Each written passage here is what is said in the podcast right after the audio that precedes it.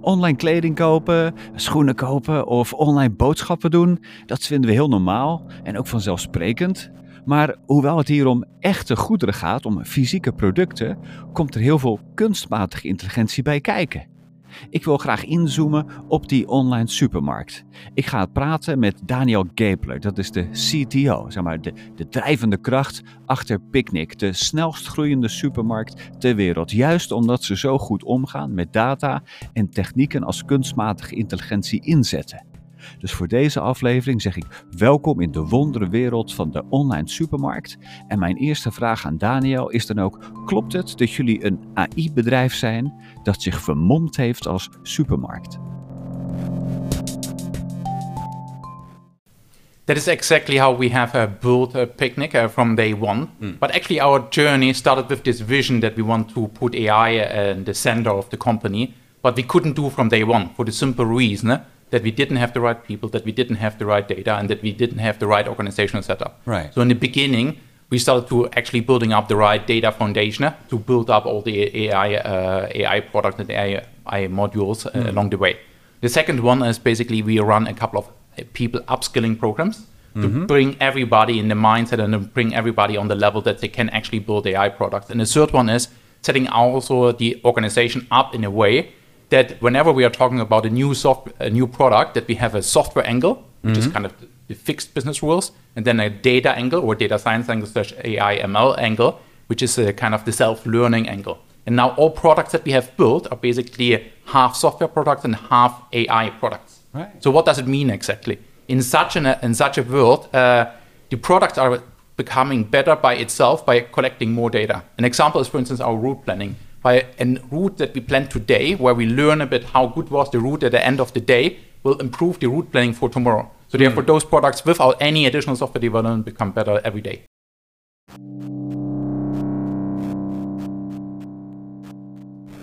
Ja, dit is echt heel belangrijk wat Daniel hier zegt. Hij trapt dus niet in een valkuil dat hij zegt: Ja, we zijn een AI-bedrijf en we doen alles met machine learning.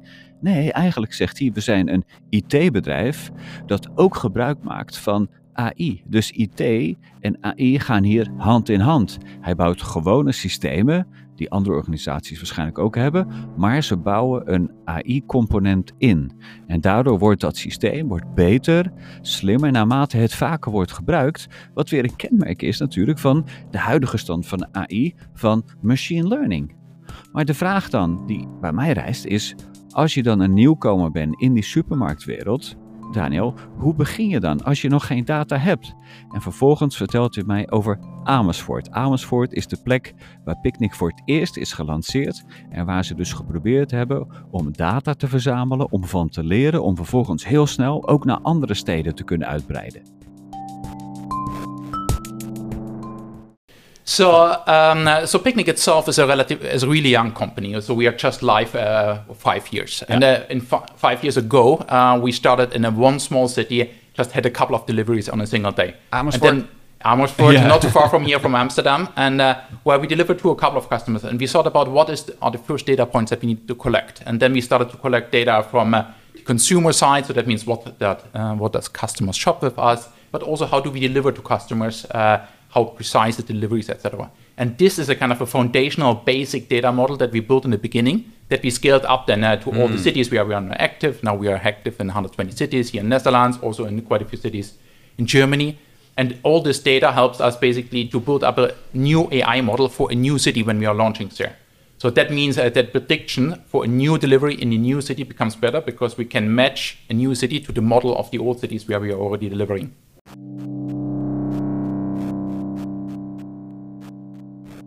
Oké, dus door te beginnen in Amersfoort kregen ze een goed idee van wat klanten eigenlijk verwachten. Ze konden precies zien hoe de website, hoe eigenlijk de app werd gebruikt, wat boodschappen waren die vaak in combinaties werden besteld. Daardoor leerden ze vrij snel wat online supermarktkopers eigenlijk wilden. Maar de grootste uitdaging zat hem: hoe krijgen we die goederen, die supermarktproducten, zo efficiënt, lees goedkoop, mogelijk bij die klanten? En dat is een oud wiskundig probleem. Misschien heb je wel eens gehoord van de traveling salesman. Dat er een 10 of 20 plekken in Nederland zijn waar één vertegenwoordiger langs wil rijden, hoe kan hij dat doen in zo weinig mogelijk kilometers en zonder één stad twee keer aan te doen? Toen ik dat aan Daniel voorlegde, draaide hij de vraag om. Hij ging niet uit van de traveling salesman, hij had het over de traveling milkman. Zij willen de SUV-man zijn. Luister maar hoe hij dit probleem heeft aangepakt. So the Travelman salesman is a problem, is a mathematical problem that is uh, pretty hard. So it's actually NP complete, uh, which means it's very hard in computer science. Mm-hmm. Um, and the last mile, uh, last mile delivery um, challenge is something what we are solving with our milkman problem, our milkman uh, milkman approach. So we have found a solution to plan routes where we are visiting every single street, every household in a city only once per day. And that allows us to deliver in a much more efficient way to customers, which actually brings a lot of efficiency to the system. And therefore, we don't have to ask as a as a retailer uh, the uh, our customers for delivery fees. So this has a big big advantage. What it means from the AI side is that we are using a lot of AI to actually plan these routes efficiently. But more interestingly is if you're planning very efficiently in a city, you have such a high density mm. that the efficient route is driven by an efficient stop understanding on how long you take uh, stopping with a customer. Because driving from first to the second customer is only a couple of meters because you have such a high density. So you need to understand how long does it take to deliver to the first customer, where you find a parking spot, where you find uh, mm-hmm. the route uh, to the door of, uh, door of the customer to the second floor, and all those kind of different steps.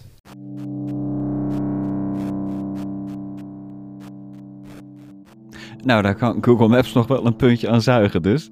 En in de praktijk bleek dat het niet zozeer uitmaakte of de optimale route wel gepland was. Het verschil werd gemaakt door het huis waar de bezorger kwam. Is het een achterdeur? Is het een eerste etage? Hoe druk is het in de straat? Dus ook die data werd allemaal door Daniel en zijn teams verzameld om die route zo optimaal mogelijk te kunnen plannen. Um, it's neither really measuring nor monitoring, uh, but uh, we have quite a bit of analytics that understands what are the different steps that they are taking. And based on those kind of analytics, uh, we are deriving how long does it take, for instance, mm. if you hmm. deliver at nighttime versus daytime. Because what we know is if you deliver at daytime, it takes uh, 20 seconds less than compared to a day uh, nighttime delivery. If you deliver at the back door of a house instead of the front door, it takes 43 seconds longer. Hmm. Second floor versus first floor takes uh, 27 seconds longer. So these are all the insights that you get along the journey uh, if you're building up such a delivery system.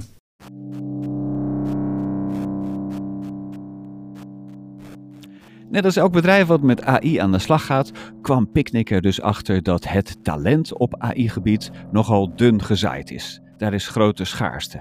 Dus ook daar hebben ze weer een innovatie bedacht. In plaats van te blijven vissen in dat kleine vijvertje, hebben ze de vijver vergroot. Ze zijn gaan kijken naar wat zijn nog meer mensen met een bepaalde mindset, of misschien een achtergrond of een blik op de wereld, die dit zouden kunnen. En toen kwamen ze uit bij statistici of econometristen of mensen die goed zijn in wiskundige modellen. Die zijn ze vervolgens gaan aannemen en ze intern enthousiast gaan maken of reskillen op het gebied van AI, machine learning en deep learning. So the interesting thing is, if AI is at the core of your business, then you need to think a bit about uh, how do you build up the necessary skills. And what we learned here is that uh, everybody talks about AI, but actually this is so young as an industry, you can't find experienced uh, people. So we took uh, mathematicians, statisticians, and econometrics uh, students from universities and built mm. them up ourselves in, uh, in the company. And then we used obviously also some programs, but by itself we organically grew it up in the organization to teach them what they need to know to build up AI products.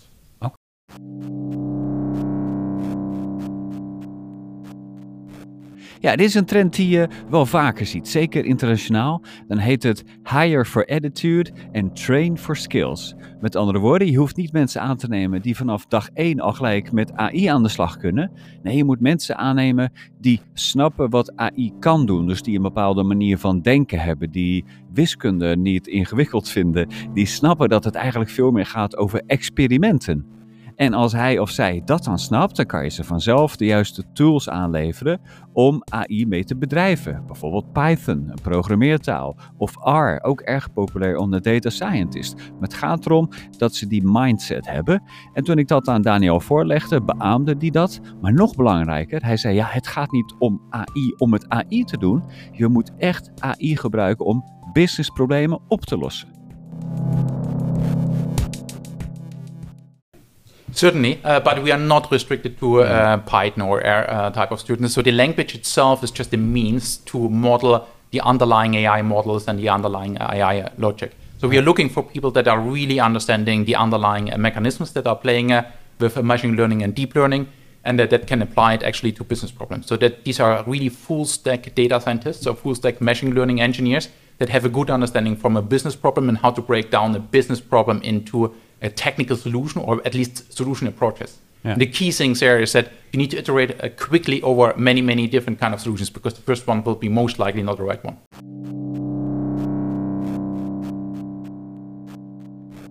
Nou, je merkt, Daniel heeft er echt goed over nagedacht. Hij ziet zo'n AI-bedrijf ziet hij over drie niveaus. Het begint met de fundering, met de brandstof, natuurlijk met de data. Welke data, welke informatie heb je om van te leren? De tweede laag is de laag van de vaardigheden. Hoe gaan je mensen om met deze nieuwe technologie en hoe zorgen ervoor dat je bijdraagt aan het grotere businessmodel? En de derde laag is de laag van de organisatie, meer het grotere plaatje. En ook daar heeft Daniel nog een leuke wijsheid of eigenlijk meer een soort waarschuwing voor ons.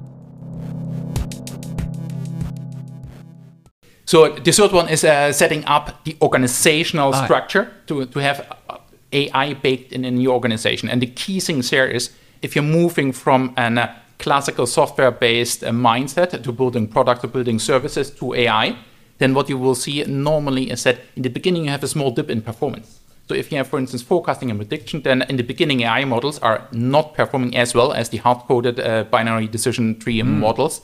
And you need to actually prepare your organization that you have in the beginning a small dip in performance, while on the longer term you have significant more performance. So everybody needs to be aware that there is a little bit of a down, uh, let's say a little bit of dip now, while on the longer term we will have significantly more performance than what we have now. And that is a kind of a mindset and a culture that you need to build up, and everybody needs to be prepared and commit to this. Mm you